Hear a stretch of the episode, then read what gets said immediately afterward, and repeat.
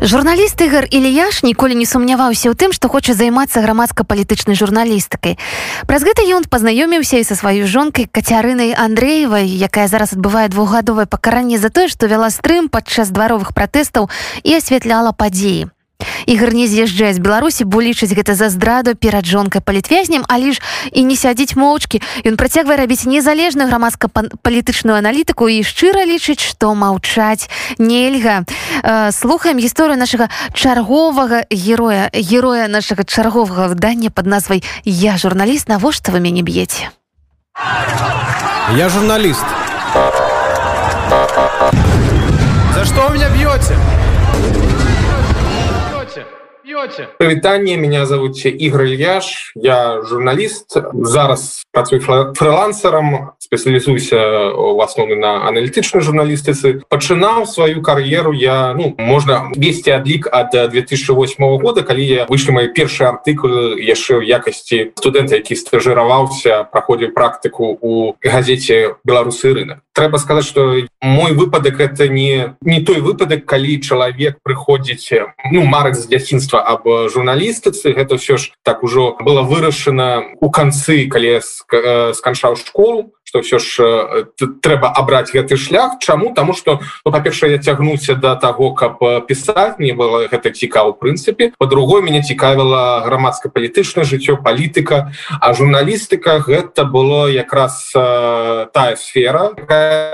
дазваляла з аднаго боку і быць вось гэтым круціцца ў гэтым палітычным грамадска-палітычным жыцці быць заўсёды у цэнтры падзею а з іншага боку пісаць выказваць свае думкі і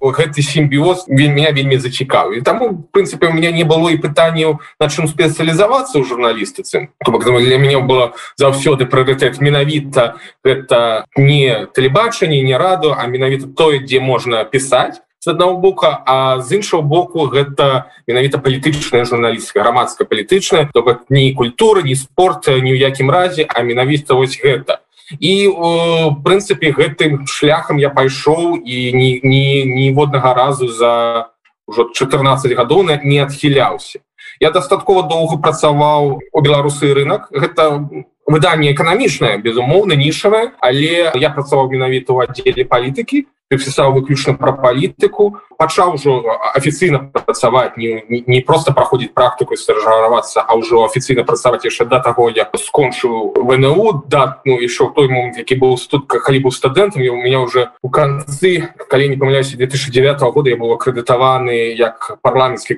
корэспондэнт у палаце прадстаўніку. Потым падзеі там 10 -го года безмоўна асвятляў выборы потым всех гэтыя палітычныя працэсы якія ішлі ў 11 годзе. Я працаваў беларусы рынок калі я не памыляюся до 2015 года уже калі адбылася вось эта трансформацыя самого выдания калі частка былой команды стварыла новый проект беларынак яшчэ с імі супрацоўнічаў пэўны час але уже пачаў і супрацоўнічаць за радыо свабода у 16 годзе у прынцыпе я так бы мовіць знайшоў сваю тэму менавіта супрацоўнічае за радыо свабоды гэта тэма войны э, ва ўкраіне донбаса удзелу беларусаў у гэтым канфлікце. І у прынцыпе на гэтай тэме мы і пазнаёміліся на фоне гэтага на фоне гэтай працы э, і развіваліся наши стасункі скаць якая ось толькі-толькі тады прыйшла у журналістыку. Я уже атрымліваецца быў там Э, больш за 7 гадоў. Яна толькі-толькі прыйшла і яна якраз вельмі захаплялася гэтай тэмай. Ёй было вельмі вельмі цікава. І гэта тое што ну вось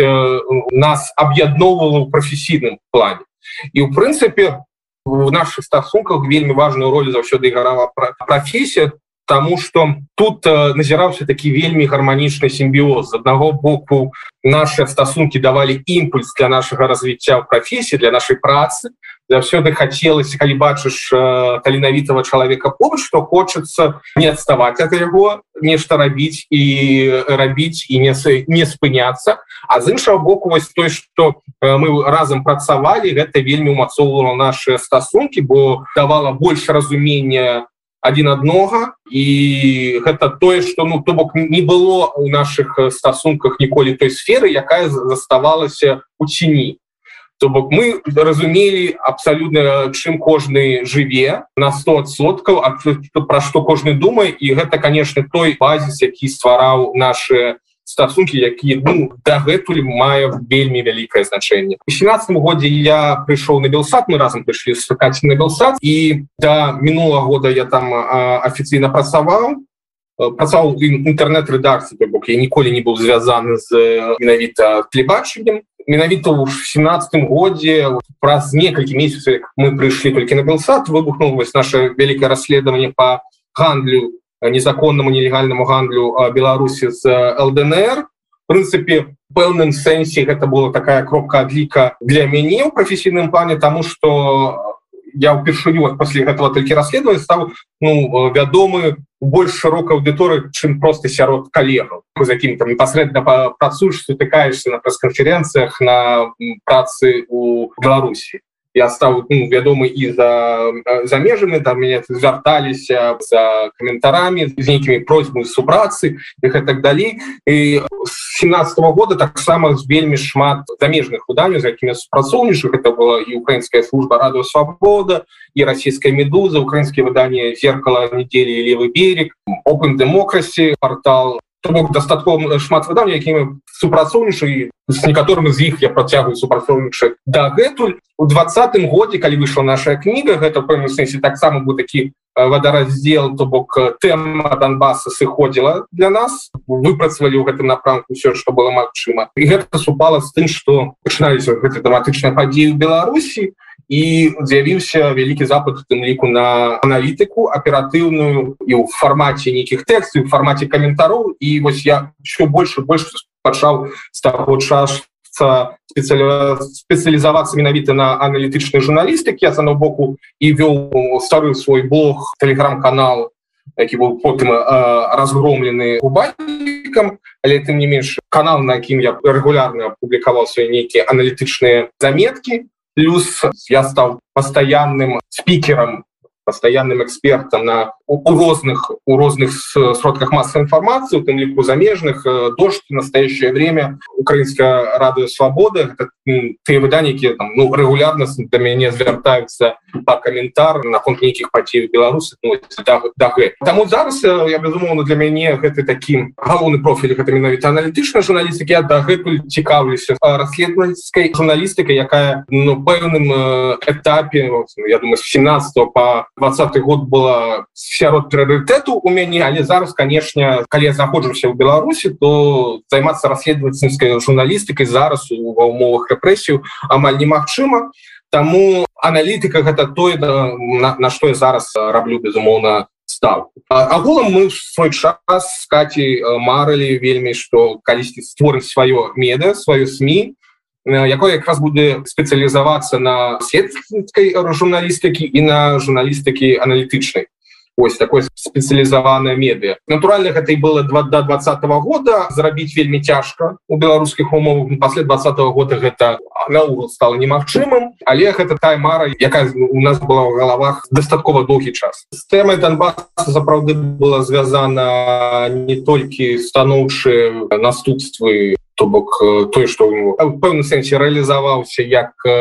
журналіст менавіта на гэтай тэме але і канешне негатыўна наступ гэта павышаная увага і спецслужбаў і безумоўна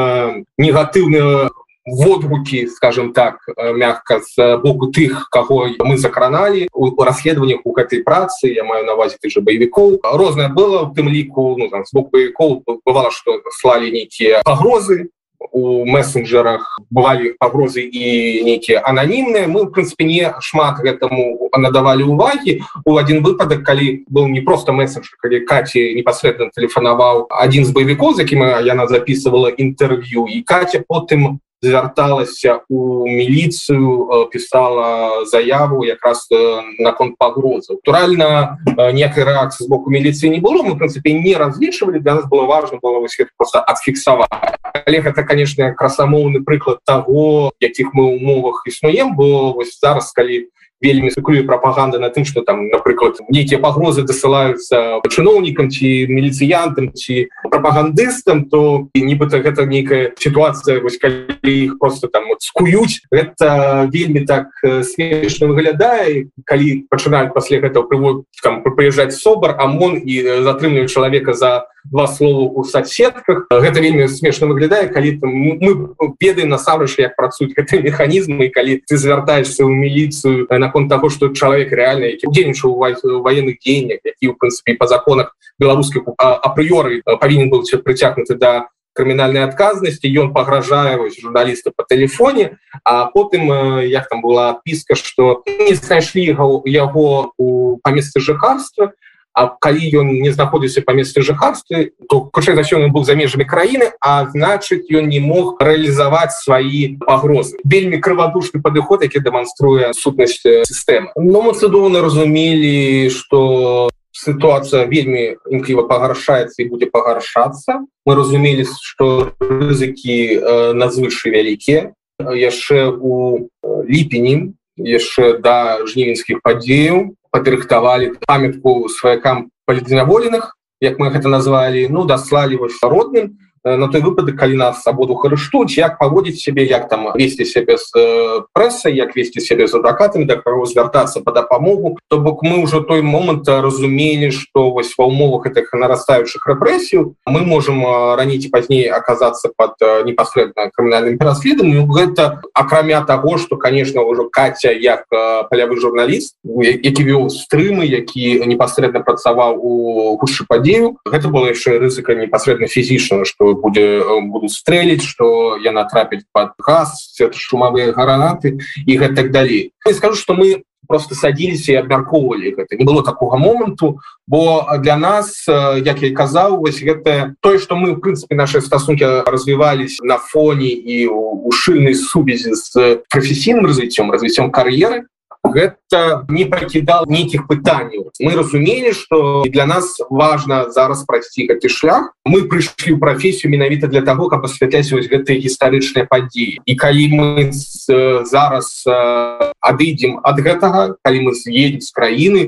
там у жніўні 2020 года то навошта в прынцыпе мы прыходзілі ў гэтую прафесію конечно мы не некие камикадзе мы разумели цудоўно что конечно ситуация можа погоршиться настойки что в принципе не будем магчымасти працаваць а будет только магчымасць чакать калі за тобой пры не перабольшванне что мы разумели гэта в принципе был можно нават поглядеть в моем фейсбуку пост за 11 жніўня вельмі прородский пост бо я там кажу калі мы зараз проиграем то прыйдут абсолютно за кошт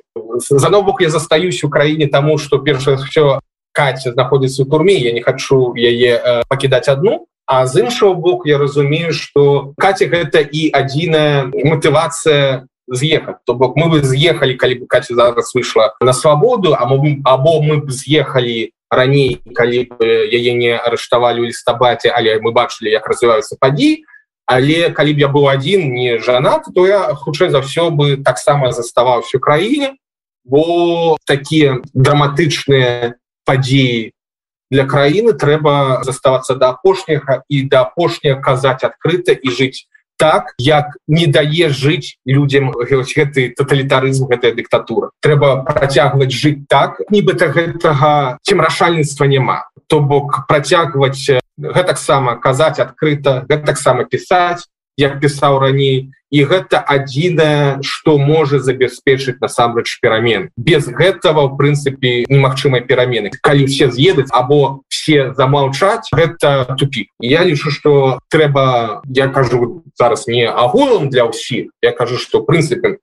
тут два варианта або ты з'язджаешь і там працуеш по больш карысны будешь там або ты застаешься Ну і калі ты застаешься то ты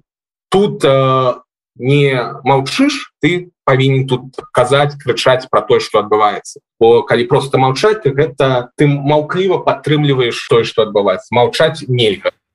жыве беларусі начай